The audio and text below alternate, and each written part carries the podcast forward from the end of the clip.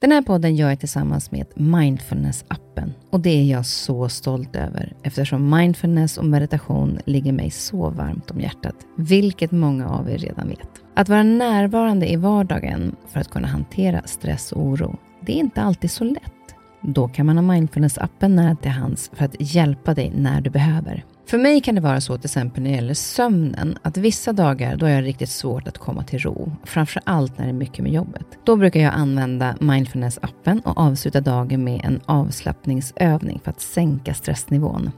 Det gör det så mycket lättare för mig att somna sen. Oavsett om du kämpar med sömnlöshet, stress eller bara behöver en stund för dig själv så har Mindfulness-appen verktygen för att hjälpa dig att slappna av och sova bättre. Appen är utformad för att passa in i din livsstil med korta övningar som passar även de hektiska schemana. Som lyssnare till Nyfiken på så får ni 40% rabatt på prenumerationen av Mindfulness-appen. Länk till erbjudandet ja, det hittar ni i poddens Instagram, kaspersen nyfikenpa. Eller så går ni in på themindfulnessapp.com kristin. Välkomna till min podd Nyfiken på. Här får jag chansen att möta människor som jag är nyfiken på utifrån deras historia, kunskap och erfarenheter. Människor som jag inspireras av och förhoppningsvis kan vi med det inspirera er. Tack för att du är med och lyssnar. I den här veckans avsnitt ska vi prata om hur stress påverkar våra kroppar och om vi kan bli sjuka av stress. Inför min nya bok fick jag förmånen att intervjua Anders Lönedal. Han jobbar med tillämpad psykofysiologi, vilket handlar om att man studerar mänskligt beteende och de processer i kroppen som är delaktiga i det. Och det samtalet trollband mig och jag ville så gärna prata vidare med Anders för att lära mig mer om vad som händer i kroppen under stress, varför kroppen reagerar som den gör och vad jag kan göra åt det. Och då tänkte jag att det samtalet, det vill jag dela med er. Så därför har jag bjudit in Anders till veckans avsnitt. Välkommen Anders. Tack, tack. Vad härligt att ha dig här. Ja, det har jag sett fram emot. Ja, du har landat, kommit med tåget precis? Jajamän. Det tog ju en, tar ett par timmar från Töreboda där jag bor då. Men eh, det är ju snabbtåg. Till och med snabbtåget stannar där så att det är ju bara att sätta sig ner och slappna av och så hej hopp så var jag här. Ja, du, och du är bra på att inte stressa? Ja, Ja. Eller rättare sagt har blivit. Exakt, för det har inte alltid varit så. För att få en liten kort bakgrund innan vi mm. kommer mm. in på, vi ska ju prata om eh, framförallt hur stress kanske kan, eller kan, kan stress ge sjukdomar? Ja, det kan ge sjukdomar. Det är det vi kallar för sjukdomar. Ja. Stress påverkar oss mer än vad vi tror. Mm. Eller mer kanske inte än vad vi vill tro. Exakt. Ja, vi är inte odödliga. Och Det är det vi ska prata om lite längre fram. Jag ja. tänkte, för det finns en bakgrund. Du har ju inte alltid eh, jobbat inom eh, den här psykofysiologin som det handlar om, utan du, har ju, du började som sjöman. Ja, först skulle jag faktiskt bli militär. Ja. hade jag tänkt mig när jag var liten. Så jag fick göra min militärtjänst när jag var 16 och fick eh, dispens till och med. Men så ändrade jag mig där och blev sjöman ett tag istället. Och sen när jag var färdig med det så blev det Volvo lastvagnar i Göteborg. Och efter en kortare session på banan där så hamnade jag i Irak. Och gjorde? Jag var lastbilar. Härskaren där nere på den tiden, Saddam Hussein, han köpte 4 000 lastbilar av Volvo på ett bräde och betalade cash. Så du var där under en, en, eh, brinnande tid kan man säga? Ja, det var ju krig med Iran då. Ja. Och sen så, men, men det som gjorde sen att du valde för att gå ifrån tekniker på Volvo lastvagnar mm. till att börja jobba med psykofysiologi. Mm. Eh, nog ja. för att man är intresserad av teknik eller detaljer i, i, bilar eller i kroppar kanske? Det finns ju en kanske gemensam nämnare på något sätt. Det finns det definitivt. Jag kan ju säga det då, att jag har egentligen aldrig varit intresserad av bilar. Nej. Nej. Jag, jag trimmade inte ens min moppe själv, det fick mina kompisar göra. Jag satt stod bredvid och tittade på. Så att, men ett, ett intresse för hur saker och ting funkar, det har jag alltid haft. Jag vill gärna titta hur det ser ut på insidan. Man kan faktiskt applicera en del eh, tankar runt eh, dieselmotorer på hur kroppen funkar. Elsystemet är vårt nervsystem. Och får man en liten eh, kink där, lite skavt hål på en kabel någonstans så kan det bli väldigt många diagnoser på den bilen. Mm. Och Då måste man gå till botten med det. Och det är det du... Och det är det jag gillar att göra. Ja. Men vad var det som kommer sig? Då? För du, det var runt 2000 va, som du eh, bytte bana? Mm, jag bytte bana helt då. Mm. Vad var det som hände då? Ja, ja, det började egentligen sex år innan då. Mm. När min eh, salig fader då, som var en höjdare på Volvo lastvagnar gick och dog väldigt plötsligt. Och Då började jag faktiskt fundera på vad håller jag på med? Jag gör ju samma sak. Jag håller på att gå min faders fotspår en gång för mycket. Så att, eh, men det tog ju sex år av funderande och ett par år i Belgien och alla snuttefiltar och så, bra lön och tjänstebil och sånt där. Det var väldigt svårt att släppa det, men sen när jag flyttade hem från Belgien så kom, hade jag kommit till vägs ände. Och då slutade jag mm. och visste inte vad jag skulle göra. Men, men hur kom det sig att du kom in på det här då? På lite omvägar. Jag träffade jag gick någon kurs som jag knappt kommer ihåg vad den heter nu, nere i Skåne, för jag hamnade i Skåne efter Belgien. Och då var det en kille där som sa att han hade hört talas om någon von Scheele på, som var på den psykofysiologiska institutionen på Karolinska institutet. Då. Och jag tänkte det där låter intressant. Han mäter saker och som tekniker gillar man att mäta. Mm. Och då kontaktade jag honom och veckan efter så var jag på plats. Jag blev uppbjuden och blev uppkopplad då någonting som kallas för biofeedback, en speciell apparat som jag själv använder idag. Och han berättade för mig hur jag mådde utan att jag hade berättat det för honom. Och då sa jag att det här vill jag ta ut till folket. ungefär. Och vad är biofeedback? Det är en biologisk feedback som betyder att man kan alltså se, genom att mäta vissa parametrar, då, hur det står till på insidan. Det finns ju mängder av biofeedback. En, en väldigt vanlig idag är ju EMG, alltså man mäter muskelspänningar. Sen kan man också gå vidare med att mäta andning och koldioxid och syremättnad och sådana här saker. Då. Så det jobbar jag med och då kan man också individanpassa åtgärdsprogram. Så man, mm. ser lite, man, man kollar av stressnivån i kroppen. Och Det är väldigt fascinerande att se vad man kan göra själv. Och Det är det som är så intressant också, för vi alla är ju olika. Vi är alla olika. Ja, exakt. Vi, har, vi bär vår lilla ryggsäck Ja, precis. Eh, och vi ska gå in och prata om det, på vilket sätt mm. eh, stress påverkar kroppen. Ja. Men jag tänkte först, för innan det, för det blir ju lite tekniskt och så, men för att vi ska försöka få med så många på banan som möjligt, för det här är ju så spännande. Jag är så ja. otroligt glad du är här. Mm. Eh, så tänkte att vi kan börja prata om det lymfatiska systemet. Ja, det är ett system som är otroligt intressant. Jag jobbar mycket med det idag. Väldigt många klienter har någon form av lymfatisk störning, om vi säger så.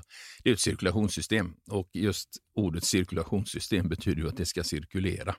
Kroppen producerar då mellan 3 och 5 liter av den här lymfvätskan varje dygn. Så varje gång man spänner en muskel så pyser ut lite överskottsvätska som fångas upp av lymfkapillärer. Då. Och i den så eh, finns det proteiner, det finns fetter, det finns eh, ja, bakterier, virus, you name it. Det är ju, lymfsystemet är en otroligt viktig del i vårt immunförsvar. Mm. Vi har ju då mellan 700 och 900 lymfnoder, som det heter. Man kallar det för körtlar förr i tiden, men det heter noder idag. Mm som då ska filtrera den här lymfvätskan och sen ska alltihopa tillbaka till blodomloppet igen. Och så kissar vi ut det. Sådär. Och har vi stopp där så blir det, leder det alltså då till ödem och så börjar man att svullna. Och det jag tänker bara på, när du sa, eh, för att gå tillbaka lite grann, ja. när kroppen renar, mm. alltså när lymfsystemet renar och då säger det att det är proteiner och liksom bakterier. bakterier. Ja. Var kommer alla det där avfallet ifrån? Blodet. Och var har vi fått det egentligen ifrån från början? Vi andas in ganska mycket varje, varje gång vi gör det. Bara här inne, när vi sitter här och eh, pratar med varandra nu, så har vi delat rätt så mycket. Och då gäller det alltså att ha ett bra immunförsvar.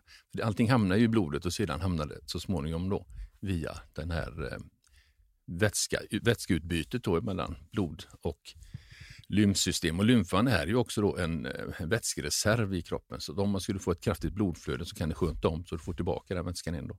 Mm. Så det är otroligt intressant och väldigt komplicerat givetvis. Men den stora grejen är att det måste cirkulera. Och det har, det har den då svårt att göra när vi får stress anspänningar. och anspänningar? Ja, ja. När vi sitter mycket.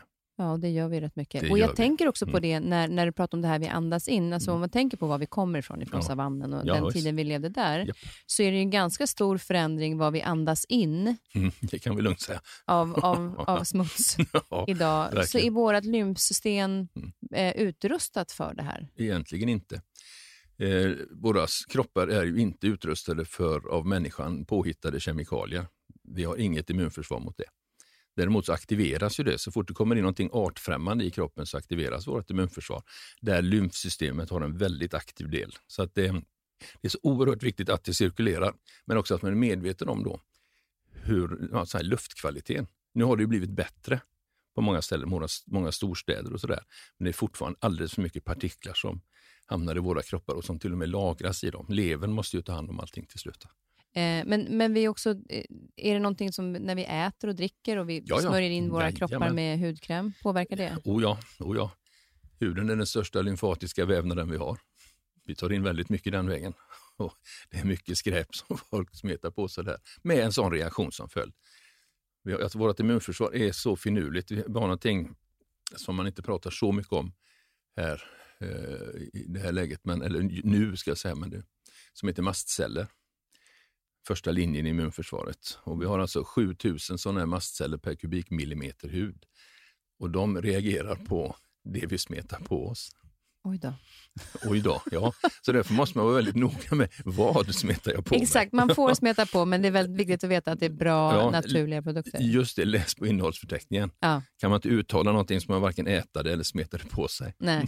Och vilka, vilka ser du som, när man, eh, om man tar och dricker någonting eller äter någonting, vilka tycker du så här, senaste tiden som belastar lymfsystemet mest? Alltså, det som belastar lymfsystemet och hela kroppen, jag har ju ett antal hatobjekt, jag ska inte, ta, jag ska inte nämna några vid namn, men eh, eh, energidrycker är ingen höjdare för kroppen. Det är inte det va? Nej. Otroligt mycket koffein och andra ämnen i då, som gör att kropp, det triggar ju kortisol i oss, alltså det triggar våra stresssystem. Kortisol, adrenalin och noradrenalin, de är stress, vi kallar det stresshormoner, vi kommer säkert tillbaka till det. Mm. Det är våra överlevnadshormoner, men de reagerar ju som om kroppen då är utsatt för någon form av hot, även om det kommer då inifrån. Så att, eh, nej, det, det, skulle jag avråda folk från att sätta i sig för mycket. Ja. Av, ja, dra ner på det i varje fall. Mm. Det, det var lite roligt, för faktiskt på vägen hit så var det en eh, tjej som stod framför mig och handlade. Och hon köpte, och hade jag hört att du hade berättat om det här på, mm. när jag lyssnade på en podd som du mm. var med i. Och Då köpte hon två Red Bull och klockan var halv nio. Jag tänkte hon var trött. Ja. Men om hon hade lyssnat på andra rundan, om hon mm. hade köpt två stycken ja. då. Kanske skulle sova lite. Exakt, och mm. det ska vi verkligen komma mm. tillbaka till, hur sömnen, hur viktig den är. Ja. För att prata då, då har vi liksom lymfsystemet som är vårt reningssystem i kroppen. Eh, det som också är intressant är därför att vi pratar då egentligen från kan man säga nacken och neråt. Ja, nu, nu pratar vi eh, nacken och neråt och utan, det som sitter utanpå huvudet. Exakt, ja. utanpå huvudet. Ja. Men det som sitter i hjärnan, för det här är någonting som är ganska nytt som ja. heter glymfatiska systemet mm. som man har då upptäckt på senare mm. tid. Michael Nedergaard. Ja. De tänkte ju sig så här, varför sover vi? Ska man ligga där? Ska verkligen skapelsens krona behöva ligga där en tredjedel av livet och vara helt unproduktiv och ligga still? Det är vansinnigt. Så jag tänkte det måste finnas en mening med sömn. Och så började de att titta på det. Och upptäckte något så fantastiskt så att de trodde att allt var fel och skrota första snabbstudien på det och började om från början och hitta samma sak igen. Och Det är alltså så att hjärnan har ett eget lymfsystem. Och i, i hjärnan så har vi ju hålrum Eh, och eh, där, ventriklar och där skapas cerebrospinalvätskan. Det är alltså den vätskan som finns dels inne i de här ventriklarna och givetvis men också runt hjärnan. Tittar man i till exempel eh, medicin 1, heter läroboken för det som kallas för basmedicin för när jag gick den en gång för länge sedan, så står det att cerebrospinalvätskan verkar som en stötdämpare för hjärnan och ja, det gör den också. Men det visar sig att det har ju en helt annan betydelse också. Och Det heter ju cerebrospinalvätska för att den rinner ner runt om ryggmärgen och till och med in i den också, för det är ett hål i ryggmärgen. Då, så den ska tvättas på insidan. Då. Och det är alltså hjärnans lymfsystem, glymfsystem kallas det för. Och det tvättar våran hjärna på insidan när vi djupsover. Och då finns det det här perivaskulära rummet. Mm. Eh, det är som små tunnlar? Va? Det är som små, små, små, små tunnlar. Och de, eh, det liksom, det, de, kan säga de här tunnlarna, och det finns det är gliaceller, det är därav namnet glymfatiskt, som byggt upp små rör och tunnlar runt varenda nervtråd vi har och blodkärl i våra hjärnor. Det är ganska många sådana där. Mm. Och tvättar dem på insidan. Det är till och med så att hjärnan drar ihop sig lite med upp till 60 procent. Och det sker när? Vi djupsover. Och bara då. Observera detta, mm. bara när vi djupsover. Och vi har de här sömncykler, vi har ett och två, sen har vi ju REM-sömn där vi drömmer och sen har vi då djupsömn. Och människans hjärna, enligt det senaste jag läste runt detta, då, behöver 45 till 60 minuters djupsömn varje dygn. Och vi får den djupsömnen, om vi nu sover ordentligt, de fyra första timmarna som vi sover. Och när vi djupsover ligger vi blickstilla, då är vi helt paralyserade. Och vi har också den lägsta nivån i kroppen utav noradrenalin, det som gör att våra kärl drar åt sig under djupsömnen. Så där, därav så kan ju alltså kärl vakna, kärl öppna och även då hela hjärnans kärlsystem blir lite större och hjärnan bör faktiskt röra på sig lite också. Så det som händer då när vi sover, det är att när hjärnan drar ihop sig mm. eh, så kan de här tunnlarna bli lite större. Japp. Och sen är det väl också någonting med hjärtat, att hjärtfrekvens, eh, alltså den, den slår inte lika snabbt, men mer nej, kraftfullt nej, på natten. Oh ja, en helt annan, helt annan rytm på hjärtat. Och det är också väldigt, väldigt intressant just det där med, med, med hjärtakopplingen. För att allting ska ju tillbaka till det här, glymfvätskan, det heter ja, det är ju cerebrospinalvätska, det är ingen glymfvätska, så jag sa faktiskt fel. Mm. Eh, men glymfsystem, den ska ju in i det vanliga lymfsystemet, för det är också en överskottsvätska. Den ska ju cirkulera och komma ut och sen så med de slaggprodukterna då som den tar med sig. Det är väldigt mycket elektriska impulser i våra hjärnor och vid elektriska impulser så bildas det ju föroreningar. Mm. Och det är ju då tänkt att det här lymfsystemet vi nu har i hjärnan, det lymfsystemet, ska ta med sig dem ut varje natt. Och det är då som det, om jag då eh, mm. försöker sammanfatta, så eh, i och med att hjärtat inte slår lika eh, snabbt, utan det slår mer kraftfullt, Mycket så blir kraft. det bättre tryck, bättre tryck, så att den här vätskan kan genom tunnlarna passera. Ja. Och de vidgas också på natten eftersom hjärnan krymper. Och mm. där rensas då de här farliga proteinerna och avfallen. Ja. Och de här proteinerna, är det inte så att man har sett det, att när de anhopar sig, så har man sett det på vissa sjukdomar? Ja, du har ju Alzheimers till exempel. Beta-amylas som det heter. Då har man också sett att det är det som, en av de sakerna, den, kanske den allvarligaste idag, då, som man ser att den tvättas bort under djupsömn. Vi, det är väldigt viktigt att trycka på djupsömn, för det är då det sker. Inte det kan det, inte, varför kan det inte ske i en annan sömn? Därför att vi går ner i ett totalt, totalt stilla, eh, jag vill säga, vi ligger totalt blickstilla. Hela kroppen inte stänger av givetvis, men går in i en fullständig återhämtning och till och med då hjärnan börjar röra på sig. Hjärtat pumpar tyngre, vi andas också djupare under den, eh, under den sömnen. För att det, är också så att det finns ju hjärtsäckar. En liten en och så finns det en liten tjockare en, en mjuk och en, en, tjock. Och den här tjocka hjärtsäcken fäster på diafragman, så därför är det väldigt, väldigt viktigt då för att hjärtat ska kunna slå med den här väldigt kraftfulla rytmen, långsamma, väldigt, väldigt kraftfulla rytmen, för att vi faktiskt ska kunna suga ut den här glymfvätskan då, mm. eller cerebrospinalvätskan. Just det. Och då kommer den ner i kroppen ja. när den har rensats på natten mm. och tagit med sig de här farliga proteinerna och det ja. avfallet som, som mm. finns. Och då så går det igenom Precis som det vanliga lymfsystemet, ja, så följer det med in i blodomloppet igen och sedan så filtreras det i lever och njurar och så kissar vi ut. Ja, så det är den vägen. Men ja. det är ju fantastiskt, för det var ju, det var ju bara några år sedan som Michael Nedergaard ja. upptäckte det här. Ja, jag tror som sagt 2012 tror jag det var de började titta på det och 2014 så fick jag en, en tidig sån här eh, presentation, att de hade hittat något. Och det är ju helt fantastiskt. Ja, verkligen.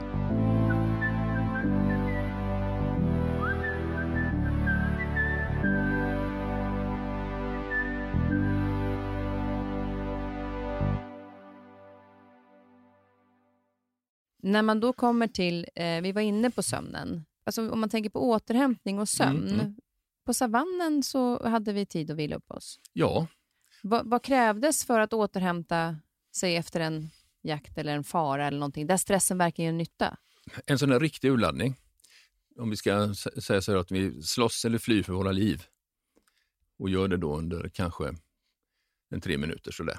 Så varje sån riktig urladdning då, det kräver ungefär två dygns återhämtning. Och det är där det spricker för väldigt många idag.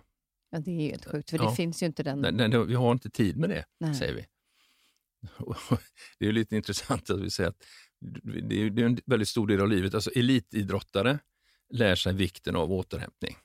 Men, de sover ju jätteofta. Ja, och de lyssnar på sin biologiska klocka, den här dygnsrytmen och sånt. Otroligt viktigt då just för återhämtning. Och sen så när folk går till jobbet så glömmer man det och då ska man ha multitasking och allt möjligt och man ska jobba och det är liksom lite fräckt att jobba mycket och länge och jag behöver inte sova så mycket. vet du. Mm. Och sen är det det att man eh, har man ett projekt på gång mm. så hinner man inte bli klar med det för man har nästan börjat med det andra projektet redan innan. Ja, och det är en åtkomma som börjar på 90-talet. Och hur påverkar det oss? Ja, det påverkar oss att vi kan aldrig slappna av. Vi får ju inte tid till reflektion och eftertanke. Vad gjorde vi bra? Vad gjorde vi dåligt? Ofta är det tyvärr så att ju mer stressade, ju mer igång våra hjärnor är, desto sämre beslut fattar man. Och vi behöver ju sova, vi behöver ju drömma, vi behöver sortera. Och vi behöver faktiskt sitta med fötterna på skrivbordet ibland och händerna bakom nacken sådär och titta rakt upp och se ut som att vi inte gör något medan hjärnan kanske jobbar med nästa litet steg, om man är en konstruktör till exempel. Så att det här är, vi, vi målar in oss själva i ett hörn här och det bryter ner oss. Så det är brist på återhämtning, det, det är det som är sjukan idag egentligen. För det är det någonstans som jag kan tänka på, att, att, för det är väl så att hjärnan har ju inte förändrats mm. i sitt beteende eh, från när vi var på savannen, Nej. även om vi har gjort det. Ja, vi har komplicerat vårt samhälle. Ibland ska jag till det, vet du, så, så säger att vi, vi påstår ibland att vi har utvecklat samhället, men jag tycker vi har invecklat det, för våra hjärnor har inte hängt med. Vi klarar inte så här mycket intryck hela tiden. Jag bor i skogen och där kommer det en bil någon gång då och då, för det bor ett par lite längre ner. Så Och vill jag gå ut och inte träffa en käft så går, går jag bara rätt ut och så träffar jag ingen. Det gjorde jag igår. Det var lite annorlunda när du kom hit. Ja. Nu har jag ju, nu har jag, jag har ju varit i huvudstaden förut. Ja, nej, men det brukar, de kontrasterna, ja, vi som lever här tänker ju inte så nej, mycket nej, på nej, det. Och, och, bara det att, eh, att inte se horisonten. Vad betyder det? Jo, det gör att våra ögon får inte, tränar inte så bra på att titta nära och långt bort. För nu tittar jag rakt ut genom fönstret där så ser jag en husvägg. Och de stora objekten förr när vi levde eller bodde på savannen, då, det var i bergen långt borta. Och så trän då utvis. Så det är mycket som har komplicerat det för oss här. Men vad innebär det då om man tänker på hur mycket folk går och tittar i sina mobiler? Att vi blir närsynta. Och det finns det forskning på? Eller? Ja. Jag har eh, kontakt med väldigt, väldigt intressant professor i holistisk medicin borta i Kalifornien som heter Eric Pepper. Och jag ska översätta en bok som han har skrivit som heter Teknikstress där de går in på just de här sakerna, våra evolutionära fällor. Och eh, just att vi reagerar när det rör sig i periferin, för det kan ju vara något farligt. Så om man sitter till exempel då och någon kör igång sin padda bredvid den på tåget till exempel, där, så måste vi titta på den. För det kan vara något farligt och vår kropp reagerar som om det vore. Och sen kan vi slappna av, men så kanske rör sig igen och så tittar vi där. Men det som är riktigt illa, då, framförallt för barn och riktigt unga människor, det är när man fäster blicken på någonting som är väldigt nära under väldigt lång tid och ofta. Då utvecklas inte ögonmusklerna. Så det är ungefär som en kikare. Om det här, man ställer in kikaren med och pajat då, så får du liksom en syn och det blir nära oftast. då. Och Det sker med våra ögon också. Och det, I USA nu så läste jag om eh, några artiklar där om att optiker där säger att det är som en närsynthet hos barn, då det är som en lavin. Jag såg en artikel i någon av våra kvällstidningar på några optiker här i Sverige också som sa så att vi måste börja ta detta på allvar för att det, det, det är någonting som händer här som inte är bra. Och Vad kan man göra åt det? För, för jag tycker det är så mm. läskigt att man bara pratar om att, att det går ut. Det går att göra. Man, det, man kan göra saker åt det också. Självklart ja. kan man det. Va, va, om man sitter då till exempel, om jag sitter vid datorn och mm. nu har jag suttit och skrivit väldigt mycket. Ja. Dels har jag ont i nacken för jag har suttit mm, så här och det kan vi, vill jag också prata det med dig om, för det har med lymfsystemet också eller hur? Ja, jag förstod det. Men jag, kan jag vila, alltså, hur ofta ska jag vila från skärmen? Eh, var 20 minut. Det är ju jätteofta. Ja, men det betyder inte att du ska gå därifrån och ge upp hela dagen i ditt skrivande. Utan du ska helst, om du kan då, det beror, det beror givetvis på vad man är då, men att vila blicken under en 20-30 sekunder så långt bort ifrån skärmen som möjligt. Bara så att ögat får en chans att eh, vad heter det, jobba lite med ögonmusklerna. Och En annan sak som man upptäckt också är att, det är att vi blinkar inte så ofta när vi tittar i skärmen eller mot skärmen. Så det är också väldigt viktigt att tänka på att göra det och kanske alltså till och med sätta händerna för ögonen då. Och varför är det viktigt? Därför att vi fuktar inte, man blir ju lite sådär trött i ögonen och lite torr. Och en del kan få väldigt mycket skräp runt ögonen på morgonen och sånt när kroppen försöker då, eh, ta ikapp detta då på, mm. på, under natten. Då. Så att vi har liksom hittat på en massa saker som inte passar vår gamla biologiska kropp. Och där, där Jag var inne på det nu när jag mm. sa att jag, för jag tittade ner i datorn nu och att jag eh, kände då att det, det känns mm. av i nacken att jag har suttit vid datorn ja. rätt många veckor. Nej. Vad, vad händer när man sitter eller tittar ner i datorn eller i paddan eller någonting väldigt länge? Jo, dels då så får du ju spänningar i muskler, det är en sak, men det händer intressanta saker in i hjärnan också och med lymfsystemet. Men det, när vi hamnar i en sån här hopsjunken position som man ser väldigt många göra idag, eh, och det, det, det, blir ju liksom så när man sitter med någon telefon eller en dator eller någonting i den stilen. Så är det, vi har ju kamp och flykt i våra hjärnor. Vi har frys också och sen så har vi någonting som på svenska översättning från engelskans fån blir foga sig.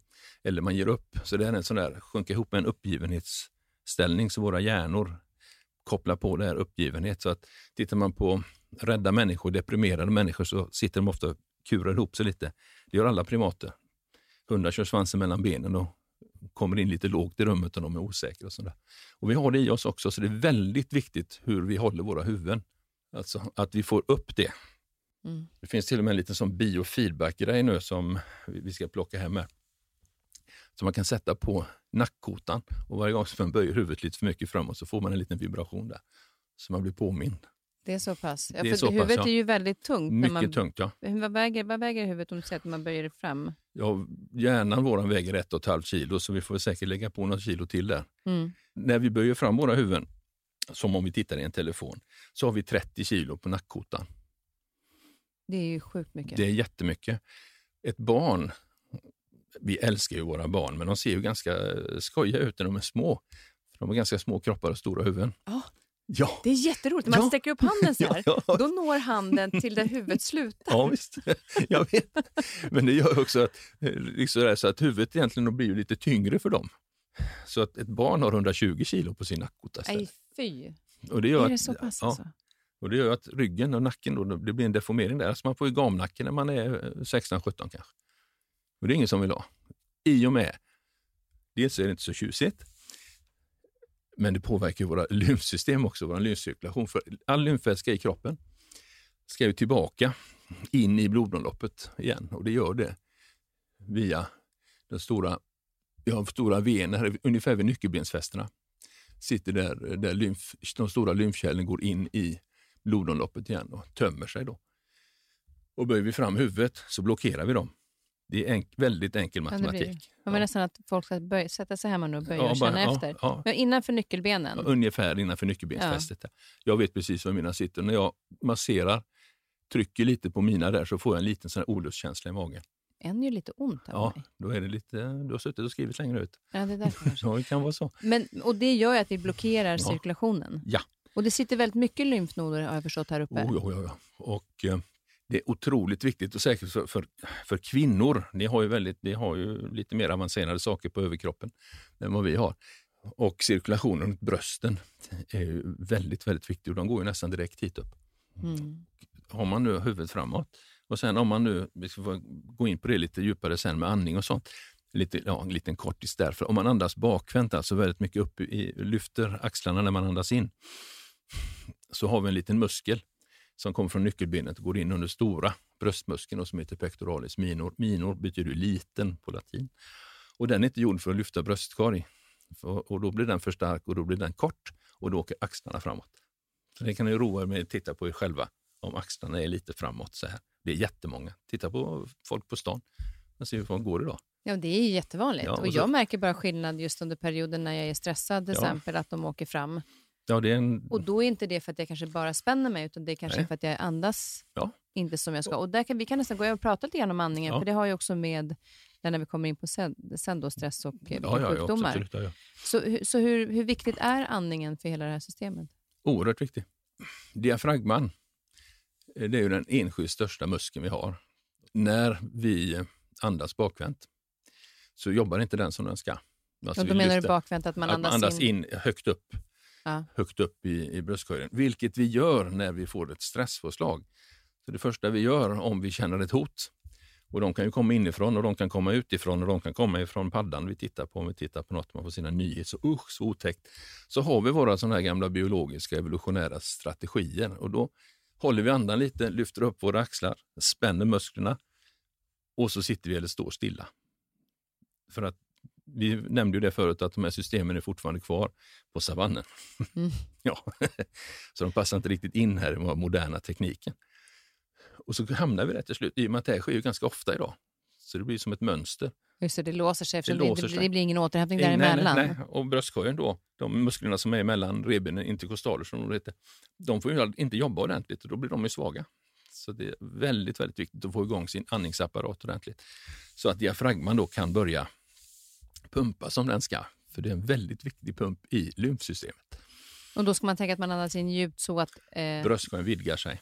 Bröstkorgen vidgar och magen sig. åker ut lite grann. Ja. ja För att i, inte långt ifrån diafragman, kan vi säga, på, mot ryggraden, så sitter en liten påse som heter cisterna kyli.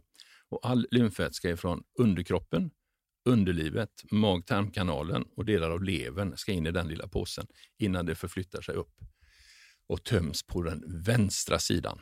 Vad gör den i den där lilla påsen? Samlas upp. En del okay. kallar det för den största lymfnoden. Det var det senaste jag hörde om den. Då, men tidigare som sagt att det är som ett uppsamlingskärl. Och diafragman är med och tömmer den. Och vad händer då om, inte, om det ligger ja, kvar där? Då, då stannar lymfvätskan kvar i underkroppen. Är det därför många som, som uh, har problem med lymfsystem ofta sväller ner i benen? Det börjar där. Det brukar oftast börja på höger sida. Men då kan man ändå ha koll på det, att om man ser att man sväller i, i höger uh, fotendel, att det har med cirkulationen och absolut, lymfsystemet absolut. att göra? Och får man de tidiga signalerna så kan man börja jobba med dem. Och ett, det här med lymfödem, det är någonting som har ökat. Mm. Skulle, om du skulle beskriva vad lymfödem är? Den här svullnaden Just det, okay. som man mm. får då när lymfan inte cirkulerar ut. Det är ju alltså ett cirkulationsproblem där. Och, och, Det gäller alltså att få igång den. Andningen är väldigt viktig, men också att man rör på sig. Och Sen sitter det väldigt kraftiga kluster eh, utav lymfnoder i våra ljumskar och sitter man ner så stänger man dem. Ja, det är därför vi inte ska sitta. Ja, Nej, det finns måste, flera olika anledningar. Ja, men det, för lymfsystemets del. Lymfsystemet är otroligt viktigt, alltså upp och röra på sig, stå ibland. För det, annars blockerar vi dem? Ja, vi blockerar dem.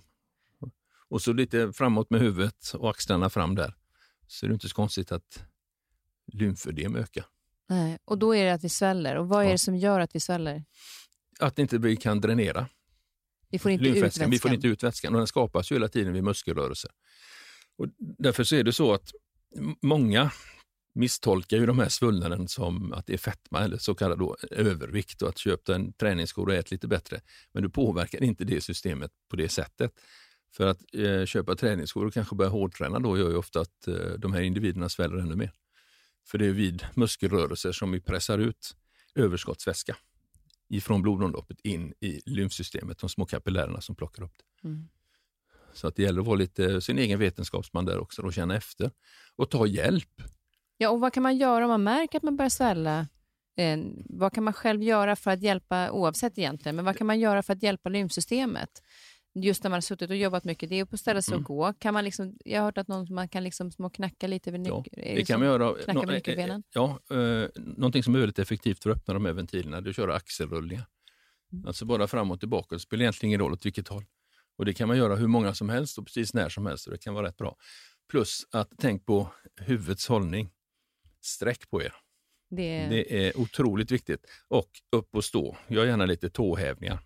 Bara för att ge kroppen lite återhämtning. Mm. Och för så att det, öppna det är inte, vi kan göra väldigt mycket själva. Oh, ja, så det är ja, ja, inte det att, eh, att det är någon fara, utan, utan ser vi till att hålla igång den här cirkulationen i mm. lymfsystemet så, så kan vi hjälpa eh, den här reningsprocessen på vägen. Det är definitivt. Sen är det så tyvärr då, som jag var inne på lite snabbt, där, att många tror att det här har med kost och sånt att göra. Så att man kanske börjar att attackera problemet med att man svullnar med att försöka ändra kost eller kanske börja träna hårdare och sånt. Så att är det, ser man att till exempel att du börjar svullna runt höger ankel, för det är oftast där det, det, märks först då, så är det där man ska börja då.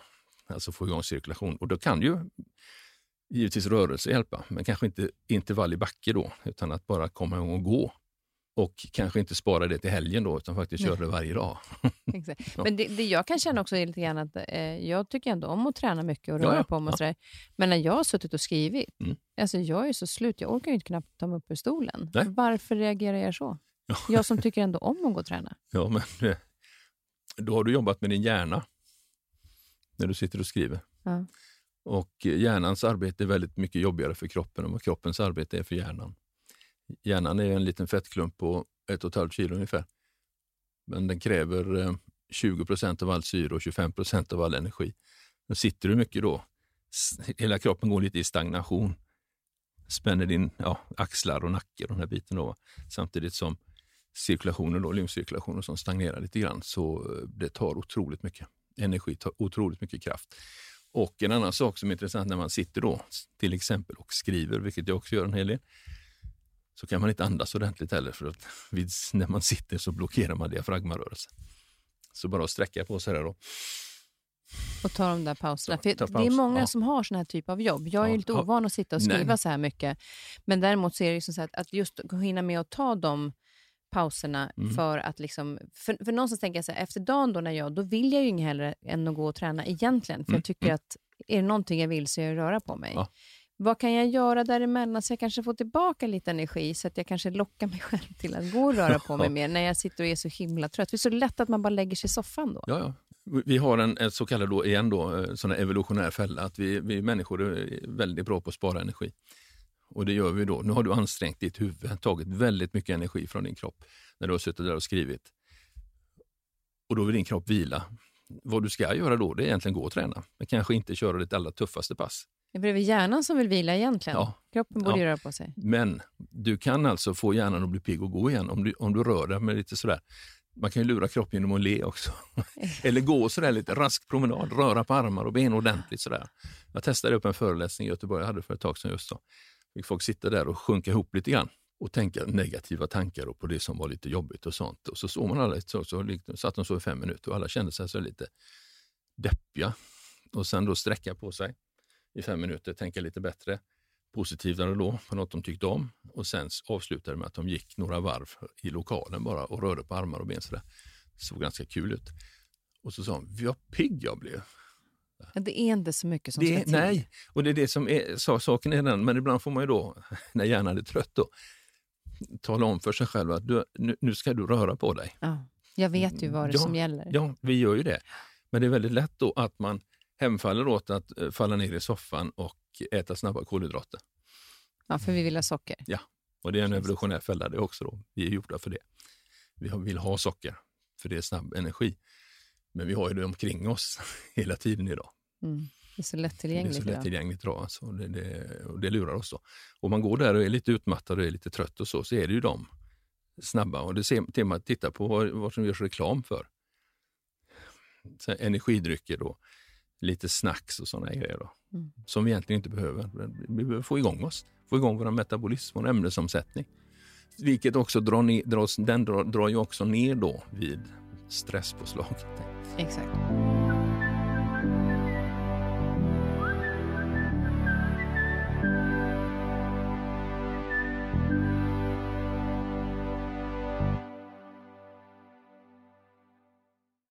Vill jag komma in på och se vad... För att när jag eh, höll på med boken så gick jag in och, mm. och tittade på vad finns det för symptom på om man drabbas av långvarig stress. Mm.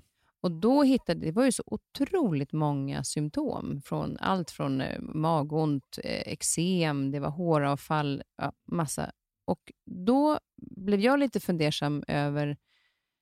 Ja, dels så kan du berätta varför vi drabbas av de här form av sjukdomarna av stressen. Ja, det är ju så att den, eh, när stresssystemen slår till, vi upplever ett hot, så spänns varenda kärl i kroppen. Och Det ska vara så då, för att blod, syresatt blod ska väldigt snabbt ta sig fram och tillbaka till våra muskler som behöver då. Eh, och, och, det är ju väldigt smart då, i ett par minuter. Men inte hela dagen. Mm. Och eh, Det är också så att vid stresspåslag, vi har en liten gas som produceras bland annat då i, eh, i bihålorna och därför är det väldigt viktigt när man andas att man gör det med näsan, både in och ut. Jätteviktigt. För att?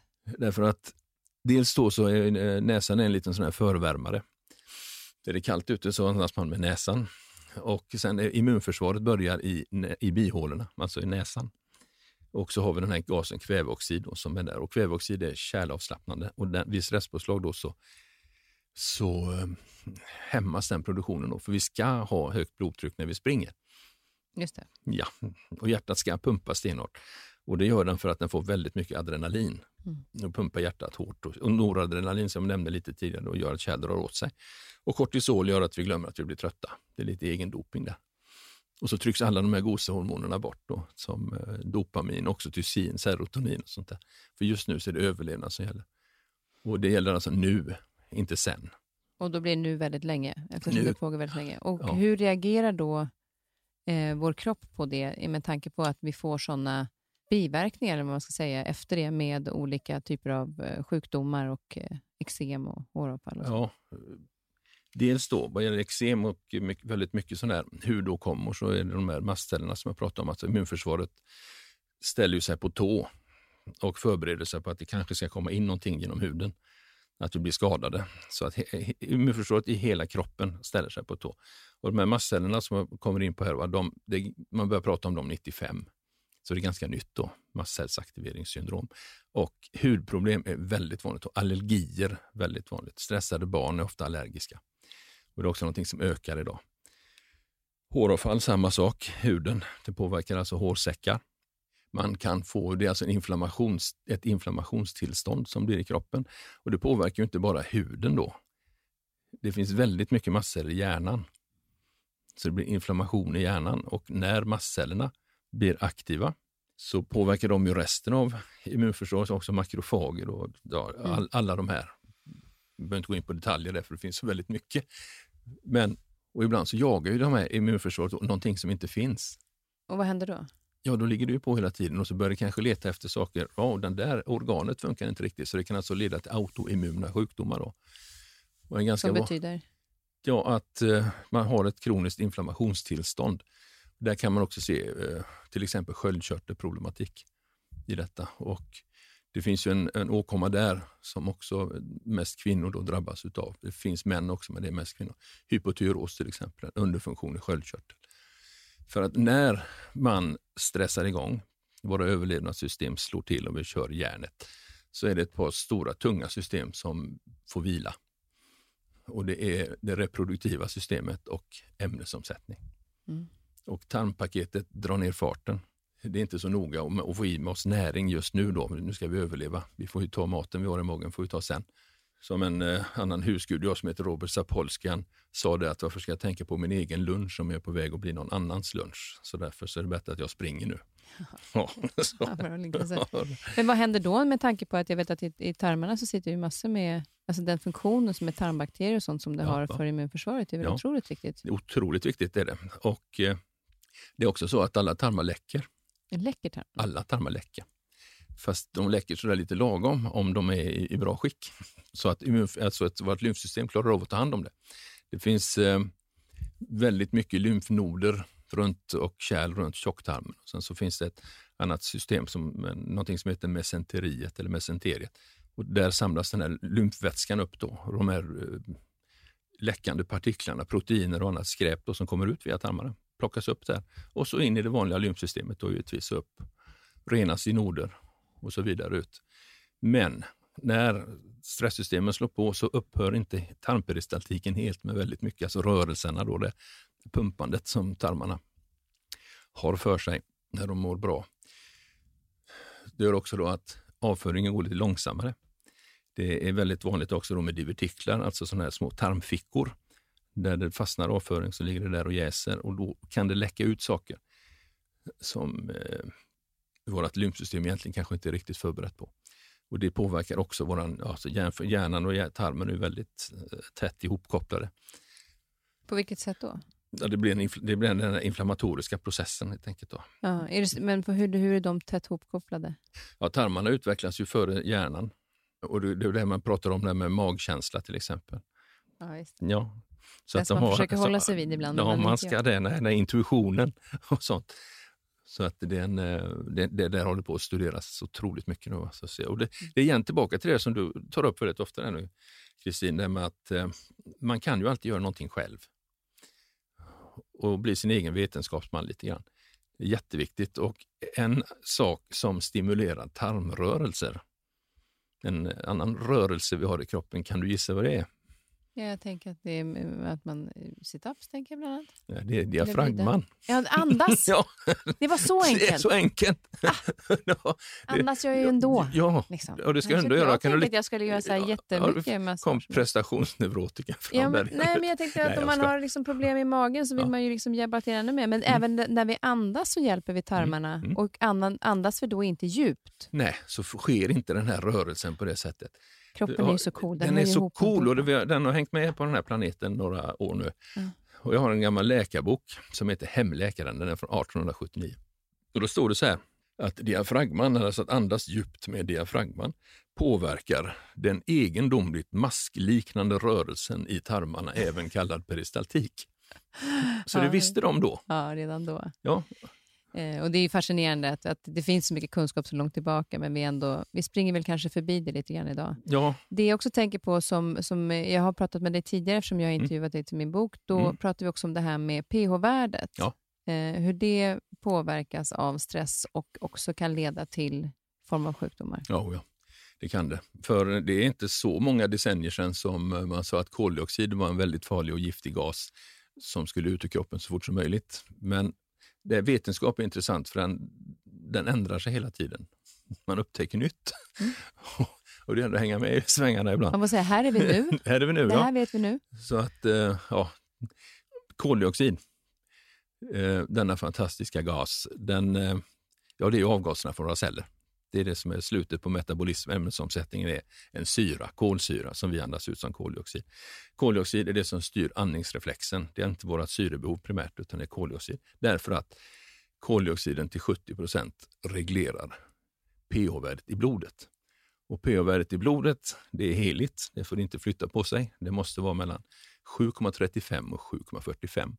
7 är alltså neutralt. Mjölk och 7,35 och 7,45? Ja. Det var inte något stort spann? Nej, Uh, hamnade vi på 7, som är neutralt då, så dör vi. Då slutar cellerna att funka. Och hamnade vi på 7,8, då slutar cellerna att funka. 7,8 är väldigt basiskt då, så det är väldigt känsligt där. Och vi får inte bli för basiska. Det är väldigt farligt att bli för basisk. Så att... Uh, men de blir för sura? Ja, det är också inte så bra, men kroppen är förberedd på syror. Okay. Hyperventilerar vi, alltså börjar andas då, stressandas, så sjunker koldioxidhalten och eh, i och med att den då reglerar pH så blir vi lite för basiska. Och då kompenserar kroppen det genom att göra ett protein, hemoglobinet, alltså röda blodkropparna, lite, lite surare.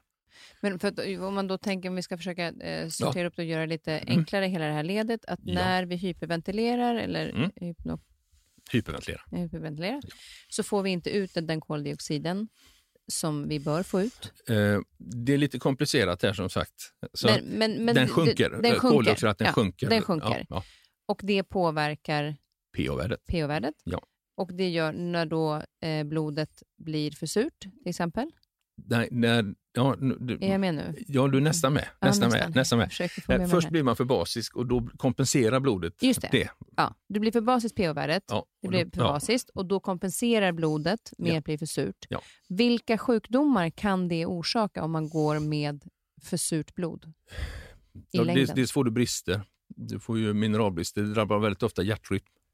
Samma där då med höga tryck till exempel, men också arytmier, att hjärtat slår lite oregelbundet. Du kan hamna i så kallade brakykardier, alltså att eh, hjärtat slår långsammare. Och det är också ett, eh, ibland så kan man, en del klienter jag har som har gått och gjort sådana här tester och sånt som sagt, ja men du har jättefin låg puls, men för ett par år sedan kanske de hade hög och sen har kroppen verkligen dragit i nödbromsen och gjort så att den sänker. Och signalen från kroppen är att du ska egentligen vila nu. Mm. Så hjärtat påverkas? Ja. Hjärnan. Hjärnan. Hjärnan påverkas, kärl påverkas, äm, ämnesomsättningar, det är de kärlväggarna, blir stel, alltså de drar åt sig. Och det kan leda till? Höga blodtryck, mm. migrän. Eh, när koldioxidhalten sjunker också då, så eh, är det väldigt lätt att drabbas av eh, ångest. Det är jättevanligt. Och på en del psykakuter får man andas i en papperspåse för att andas in sin egen utandningsluft och då stiger koldioxidhalten till slut. Mm. Jag gjorde faktiskt så här, jag ska ta upp min telefon nu. Ja. Det är inte för att jag eh, eh, vill, ja, behöver dopamin eller så, utan det är därför att vi la ut, eller jag la ut igår mm. en mm. liten fråga eh, kring det här med stress. Mm. Eh, och då så skrev jag, upplever du att du har en för mycket stress i din vardag? 68 procent sa ja och 32 mm. nej. Mm. Eh, och Sen så frågade jag om man ger sig tid för återhämtning, så var det faktiskt 53 procent som sa ja och 47 procent som sa nej. Mm. Och Då tänker jag, så här, undrar vad det är för typ av återhämtning, om den är tillräcklig. Man tror kanske ibland... Det är ju, jag blev glad ändå att det var så pass många som skrev att de upplevde att de fick återhämtning, ja. men kanske inte den återhämtning. Med tanke på att du sa det här med tre minuter, man behöver två dagar, så tror jag ja. kanske inte vi riktigt... Men sen så det, det som var intressant var, då ställde mm. jag också frågan, hur påverkar stress dig? Mm. Och där var det allt ifrån, nu läser jag bara några stycken, ja. kroppen och muskler blir stela, mm. eh, mycket svårare att vara här och nu. Mm. Eh, det var någon som, jag tappar, någon som har tappat håret, eh, lättirriterad och ofokuserad, eh, minnet. Mm. Det är mycket om minnet och det ja. eh, påverkar mitt blodsocker eh, huller om buller. Hon är typ 1-diabetes. Trött yrsel, sover dåligt, koncentrerar mig inte. Så det är väldigt ont i nacke, axlar och huvud. Ja. Magen i obalans. Och då tänker jag, när det är så här många olika, som, alltså många olika personer som reagerar på så olika sätt, mm. då undrar jag, är det ändå så att varje människa eh, alla de här typerna, delarna av kroppen ändå ja. påverkas negativt, mm. men mm. vissa är kanske känsligare mm. i magen. Mm. För att om det är så att ja, men jag drabbas bara, mm. om vi säger så, ja. av ont i magen. Men drabbas jag inte också av de jo. andra sakerna också, fast jag inte märker dem? Det, det gör du. Det är så? Det går över hela systemet. Och sen är vi, vi, alla människor har ju någonstans en liten svagare punkt. Och det är därför som vi och känner därför känner vi det på olika ställen. Alltså, muskelsmärtor, det är ju legio, som alltså det är väldigt vanligt idag. Mm. Och mag-tarmproblem är jättevanligt idag. Hudproblem är väldigt vanligt idag. Sömnproblem. Och sömnen är vår stora återhämtare. Tyvärr så hjälper ju inte sömnmedel. Det gör inte det? Nej. Inte melatoninet heller om man ja, tar det? Melatonin är bättre. För det är vårt sömnhormon. Ja, oh ja, ja, melatonin är bättre. Men eh, om man äter det väldigt länge då så blir ju hypofysen lite lat, eller epifysen förlåt, ja. den blir lite lat och kanske inte omvandlar serotonin till melatonin så effektivt som möjligt då, i och med att den får det. Ah, okay. Spara energi. Så man ska inte göra det så? In, inte, inte, för, inte under längre tid, Nej, inte under längre okay. tid men det är bättre. Det, det, är också så att allting vi stoppar i oss hamnar i levern. Och den ska, vi... och den ska vila under djupsömnen och under sömnen då, så att den måste arbeta. Då. Och det är en av anledningarna till att man får inte den djupsömn man behöver. Och det får man inte om man stressar heller då. Därför att om, tänk nu på savannen eller skogen, mm. så är du omgiven av hemska djur och vilda fiender ska du inte sova. Nej. Nej. Minsta prassen ska du vakna. Och därför kommer vi inte ner den här. För om man tittar, eh, ibland kan man ju se hästar i hagar som ligger ner och ser döda ut. Mm. Och då djupsover de och så står det alltid någon kompis bredvid och vaktar. För att man kan inte ligga så och vara ett flyktdjur och ligga där och helt paralyserad, det går inte om det kommer rovdjur. Ja, just det.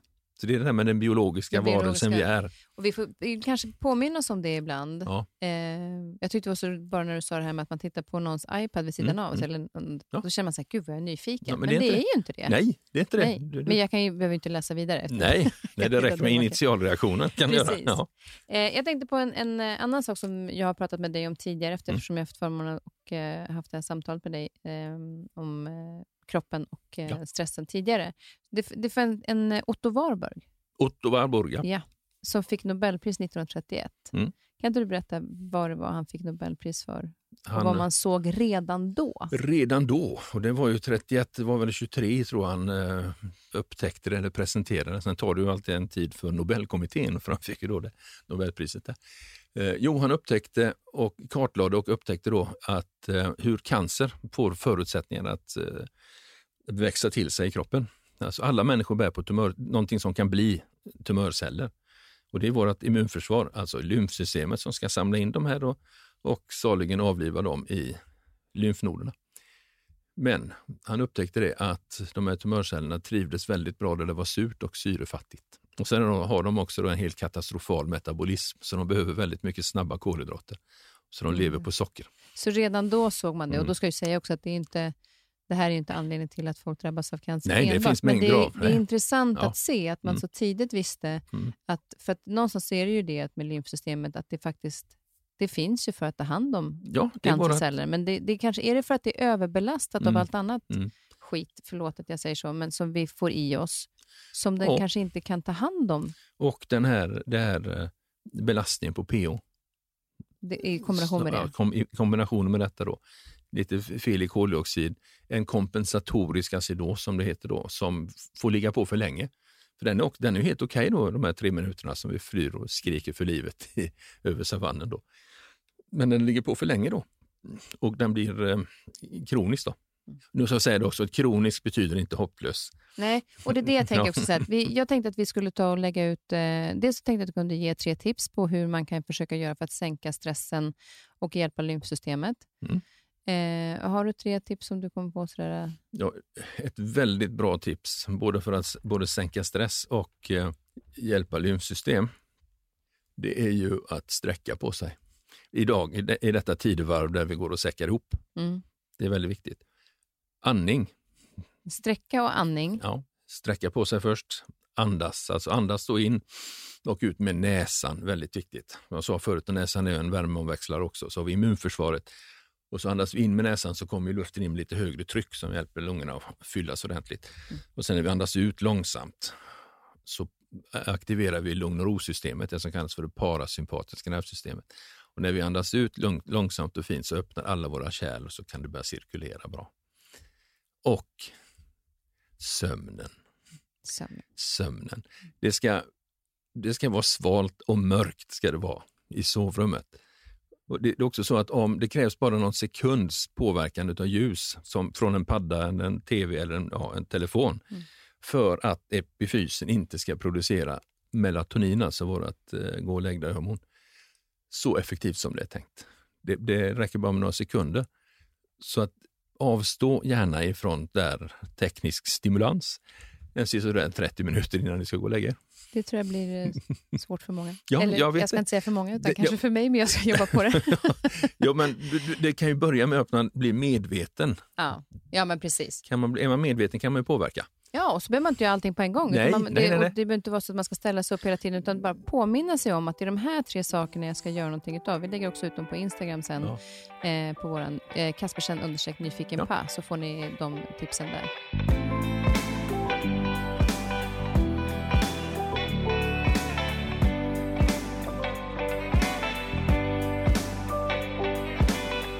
Här kommer då en lyssnarfråga som jag har fått in till dig, ja. Ja. ifrån Eva. Hej Kristin och Anders. Jag har en fråga om det här med hormonförändringar hos kvinnor och lymfsystemet.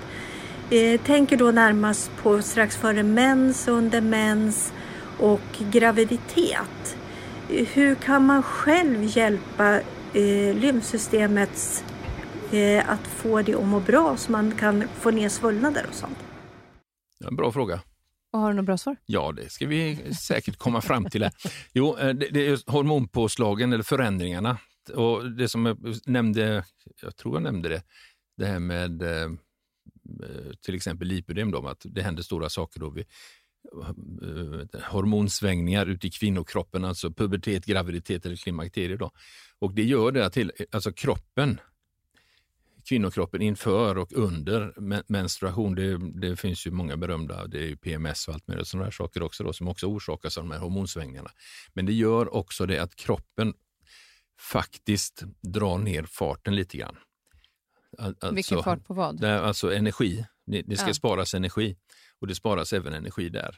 Och sen i och med att vi ibland då, jag säger inte att alla gör detta, ibland kanske blir lite trötta, så sitter vi lite mer det är också så att kärlsystemet, alltså i, i den här hormonsvängen, det är ju alltså ett stresspåslag i kroppen. Det måste vi komma ihåg. Alltså den här omvälvningen som blir, då gör också då att våra alltså lymfkärl och blodkärl drar åt sig lite grann. Så det blir liksom, eller blir liksom, det blir svårare för lymfvätskorna att cirkulera.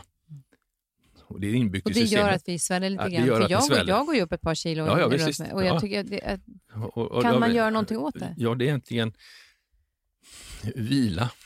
Jag vet, I andra kulturer och för länge sedan så var ju menstruationen ett, ett heligt tillstånd. Så gick kvinnan iväg med yngre kvinnor som skulle lära sig hur de skulle ta hand om det här då. Och så fick männen ta hand om barn och resten under den tiden. Medan i, i vårt samhälle så ska allting fortsätta som vanligt. Mm. Och det tycker jag man måste tänka på som arbetsgivare att kvinnorna tar faktiskt med sig sitt reproduktiva system till jobbet. Och vad händer, vad händer då när vi vilar? Gör det att cirkulationen Cirkulation och sånt ökar? där, alltså att ni påverkas inte så negativt av de här stora hormonsvängningarna. Okay. Så när man, när man känner av att nu är det dags och mm. jag börjar svälla lite, ja. då är det lä lägga sig och vila ja. och sova? Och sen kan man givetvis då se till så att andningsapparaten fungerar så att mm. det jobbar. För också för där, där finns ju då i utandningen sitter ju lugn och ro-hormoner så det kan också påverka väldigt bra. Plus att man kan ju då, eh, om man behöver, känner att man behöver ta en lymfmassage till exempel. Så att, eh, mm. och, och, och, röra på sig. Ja. För det är samma där, tröttheten kanske gör att man inte Nej, orkar. Precis. Ja. Och då, då, kan man få lite hjälp på vägen. Men, men att vägen. det är viktigt att vila, för jag har inte ens tänkt på det, att jag Nej. ska vila den här, de här dagarna när jag känner att jag, man drar på sig jeansen. Jaha, nu var de tajta idag. Mm. Får ju tänka på att ni kvinnor är uppkopplade på månen. Hur menar du nu? Ja, ni är faktiskt det. Måncykeln påverkar er mycket mer än man påverkar ah. oss. Ja. Det, det hade man koll på för länge sedan. Alltså vi kvinnor har koll på mycket. Alltså, kvin, kvinnor är, kvinnan är originalet enligt min uppfattning, men en blek kopia. Jag tycker nästan vi slutar där. Nej, jag skojar Vi ska fortsätta. Ja. För det är nämligen så att du har också fått vara... Eh, vad härligt det var att höra på något sätt. Jag vet inte varför. Men eh, du är också nyfiken på någonting. Du, du är nyfiken på väldigt mycket, annars skulle du inte jobba med det du gör. Väldigt mycket. Ja. Men du hade en, eh, en, en liten fråga som du eh, ställde ja. till mig för några dagar sedan här som jag skulle försöka luska reda på. Jag tänkte att det kunde vara bra om du fick hjälpa mig med den. Ja. Jag, alltså, originalfärgen på ögonen är mörka. Men här uppe i, i Norden och så, där, så har vi ofta blåa ögon. Och då tänkte jag så här, var, när fick vi dem? Mm. Och varför? Varför? Ja. Jo, du. nu kommer det. Nu har jag försökt hitta svar här. Mm. Eh, jag läser lite innantill. Då, ja, ja. Ögonfärgen beror på mängden melanin i ögat. Mm. Eh, har man mycket melanin kommer det mesta ljus som träffar ögat att absorberas och man upplevs ha mörka bruna ögon. Alltså man upplevs ha mörka mm, bruna ögon. Mm, har man mindre melanin då eh, kommer ljuset reflektera och ögonen tycks då vara blåa. Gröna tycks ha mellanhöga halter. Eh, när vi föds eh, saknar våra ögon, just det, och när vi föds mm. så saknar ögonen melanin. Det är därför de är blåa. Mm. Det tyckte jag var lite coolt, mm. det hade ingen om. Vilket ger en liten dimmig blå ögonfärg och ögat är då inte blått, eh, just det pigmentet som bildas. Och först då så kan man efter ett år ungefär se vilket mm. ögonfärg barnet får. Då till din fråga. Forskning visar att den äldsta människan hade bruna ögon. Mm en dominans som bröts mellan 6 000 och 10 000 år sedan då kromosomerna OCA2-gen plötsligt muterades. Nu ser du jätteglad yes. ut. Och var, var det någonting du hade tänkt eller? Där? Ja, det är, någonting har ju hänt där. det är helt klart. Men och jag, vet, jag försökte ja. googla på vad OCA2-gen mm. var, men jag fattade inte det. Eh, det kan jag fråga dig om lite kort sen. Att, att de bruna ögonens monopol bröt ut just då mm. eh, är en slutsats man kan dra genom att blåögda människor personer från så skilda länder som mm. Turkiet, Danmark och Jordanien visat mm. sig ha en gemensam förfader som levde inom detta tidsspann. Ja. Allt enligt forskningsteam i Köpenhamn. Men, men vad, det är någonting då som har muterats, den här genen. Mm. mm. Känner du till den här genen? Nej, inte så. Nej. Det, jag har tittat mycket på det här med evolution och hur människan, om man nu är inne på evolutionslinjen, ja. tittar på är och hur vi har kommit hit till Norden, hur vi har blandat oss och sådana grejer. Då. Sen är det så att mycket D-vitamin och sånt, eh, alltså det, sol går in via ögonen och vi omvandlar då kolesterol till D-vitamin. Och så, så jag tänkte ifall det hade någon sån koppling också. Då. Mm. Men det vet man inte. Men det kan ju vara att den genen kanske gör att det blir lättare. Nu har du någonting att eh, ja, gå in och, och titta då, på då måste nu. OCA2. OCA2. Ja, jag måste skriva upp det eh, Den, den, ja. Det var ungefär 6 10 000 år sedan som den ja, muterades. Du, spännande. Vi, vi, tänkte, jag brukar alltid bjuda på fika och eh, du vill ju bara ha kaffe. Då ja. kan jag passa på att fråga, varför eh, funkar kaffe bra och inte eh, energidrycker? Kaffe i sin rena form, helst utan socker, är ju det bästa då. Själv dricker jag kaffe utan socker och inte så mycket nu för tiden. Men i en energidryck så finns det väldigt mycket mer än koffein. Mm. Det är väldigt mycket socker, alltså snabba kolhydrater. Och där är det renare i kaffe? Ja, det, där finns inget socker? Det, det, finns inget sånt, inte socker på den mängden. Och så är det mm. andra ämnen i energidrycker. Jag får säga att jag inte fördjupat men det är mer koffeinet här och sockret som jag har kikat lite grann på det. Mm. Och det är ganska höga, höga nivåer där. Så att Sen får ju folk ta sig en sån om de vill. Det är ju inte det. Nej. Men kanske inte fem stycken på dagen och ersätta det med eh, något vettigare. Jag ser det hemma i, när Sveriges hopp kommer ifrån skolan och handlar på, eh, på affären där. Så ser jag ofta då energidrycker och kökschoklad och sånt där. Men då kan man kanske också fråga sig, varför behöver jag den här? Det gör vi För inte. Det kanske så, nej, precis om vi sover tillräckligt, mm. eller hur? Ja. Så andning, sov, eh, sova, andas, och eh, röra på, röra på sig. Röra ja. på sig. Vi, vi, vi är gjorda för det. Sitta är det nya rökandet idag. Sen. Ja. Och vi som har suttit här i över en timme nu. Ja. Eh, nu ska vi snart sträcka på oss och röra på oss. Men vi tar det fika lite. Verkligen. Tusen tack Anders. Jag kanske återkommer framöver. Mm. För det, du har ju sån fantastisk kunskap och det är så spännande. Det är jättekul. Det kommer mycket nya intressanta saker. Ja, då får vi hålla kontakten. Det gör det. det, gör det. Tack snälla. Mm. Vet tack. Du kanske vill ha någon jobb?